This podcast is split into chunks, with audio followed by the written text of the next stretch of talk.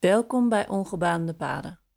Ik ben Anne en in deze podcast neem ik je mee op mijn hike over de Pacific Crest Trail in Noord-Amerika. Dat is een lange afstandspad van Canada tot Mexico. En in deze eerste reeks loop ik in enkele maanden van Canada tot in Noord-Californië, zo'n 1800 kilometer.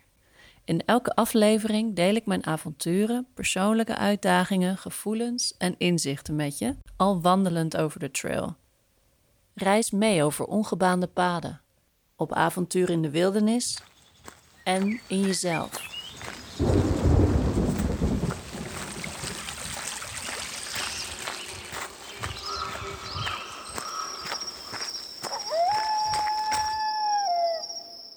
Eindelijk heb ik dan mijn eerste nacht alleen wild kamperen on the trail. In Glacier Peak Wilderness, een natuurgebied ver van de beschaving en diep in de bossen en bergen van Washington. Met enige ruis van het struikgewas waar ik doorheen loop, hoor je me vertellen over de geluiden die me wakker hielden en over hoe ik die nacht uiteindelijk ben doorgekomen.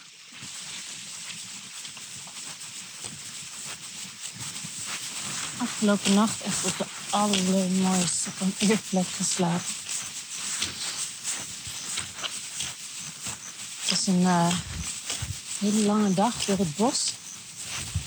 Donker bos, allerlei kronkelpaadjes, overgroeiing tot, uh, tot aan de schouders. En uh, een moment hoger op de berg, nog steeds een donker bos, loop ik het bos uit en kijk ik om me heen. Sta ik in een soort bergkom. Rondom omringd door bergen met sneeuw erop. En uh, kabbelende watervalletjes en riviertjes. Echt heel mooi. Toen heb ik daar even een Snickers break gedaan. En een stuk verder gelopen. Toen kwam ik Slow Burn tegen. Trailname van een jongen. En uh, een stukje samen opgelopen. En toen kwamen we bij een tweede kom uit.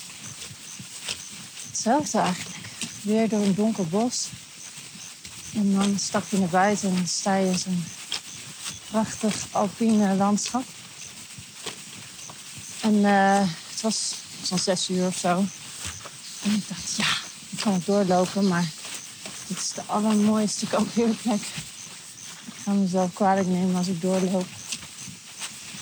En Slowburn die liep door, die wilde graag wat meer lopen hebben vandaag, omdat we de komende dagen nog veel moeten doen. We zitten nu echt op een behoorlijk wild stuk. Zes, zeven dagen lopen. Geen, uh, geen stadjes tussendoor. Je zit echt midden in alpien gebied. Allerlei hoge bergen. Glaciers. Gletsjers, sorry. uh, het, heet ook Glacier Peak Wilderness. Glacier Peak is een, uh, een berg die gedeeltelijk tektonisch ontstaan is. En daarnaast is het ook een vulkaan. Uh, vulkaan. Dus ik ben wel heel erg benieuwd. Ik kan hem nu nog niet zien. Maar waarschijnlijk later vandaag als ik de pas over ga. Maar goed. Terug naar mijn kampeerplek. Dit bleek mijn eerste nacht alleen kamperen te worden. Oeh, dat vind ik wel spannend. Ondertussen ben ik een klim aan het doen. Het was echt een prachtige plek. Maar er was helemaal niemand.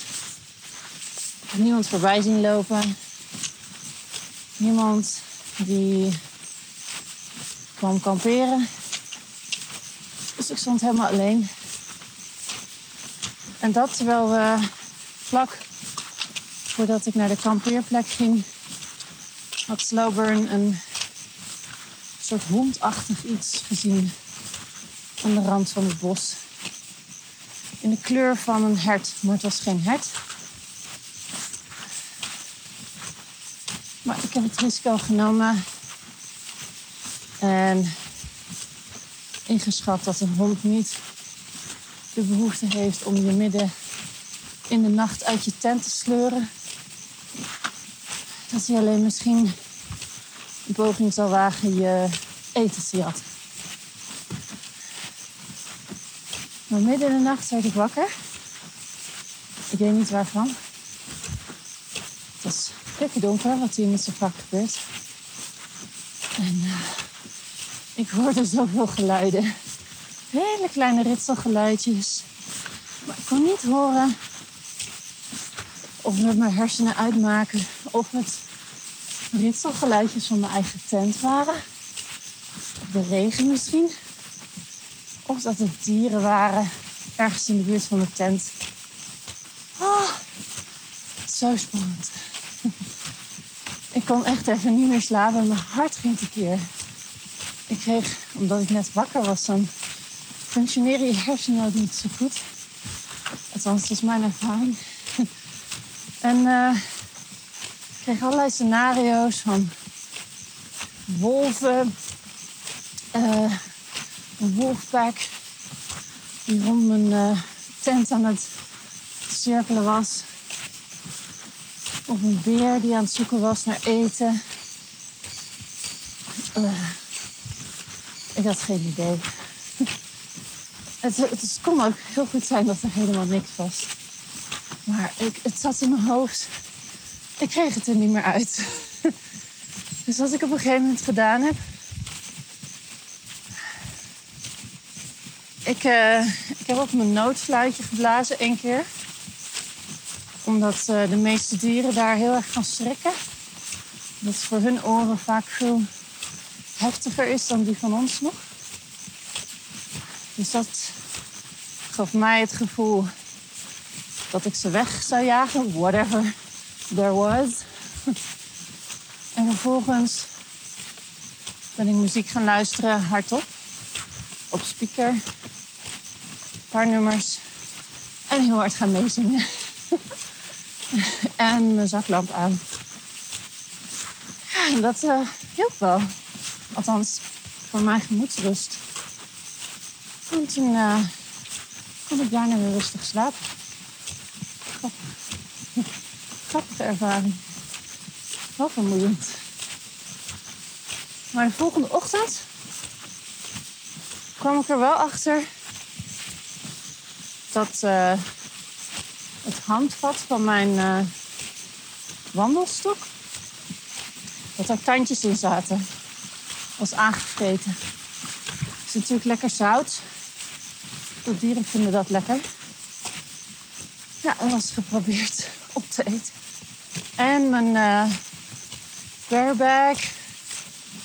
Uh, ja, dat is een oerzak. Dat is van zogenaamd bulletproof materiaal gemaakt.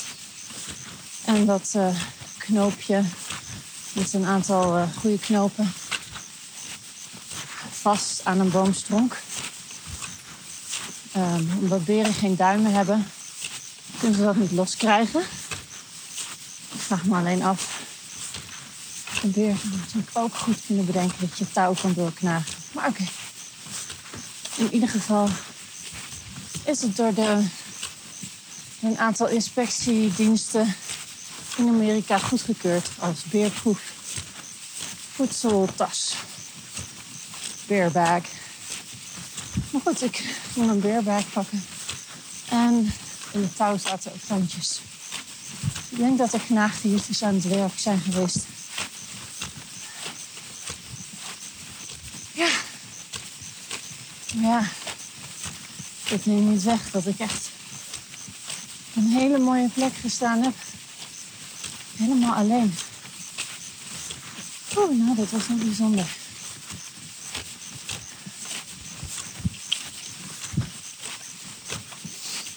Kijken of ik vandaag nog mensen tegenkom.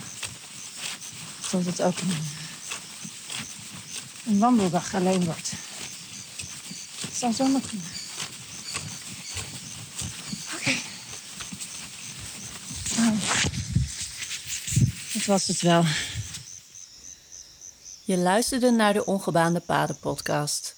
Met Anne Matteau, coach en inspirator op een eeuwige zoektocht naar creativiteit, verwildering en zingeving. Ben je nou nieuwsgierig geworden naar mijn aankomende avonturen en projecten of een eventuele samenwerking? Je kan me vinden op Instagram of Facebook via Ongebaande Paden. Of op mijn website www.ongebaande-paden.nl. Ik hoop dat je genoten hebt van deze aflevering en ik wens je een hele mooie dag. Reis mee over ongebaande paden, op avontuur in de wildernis en in jezelf.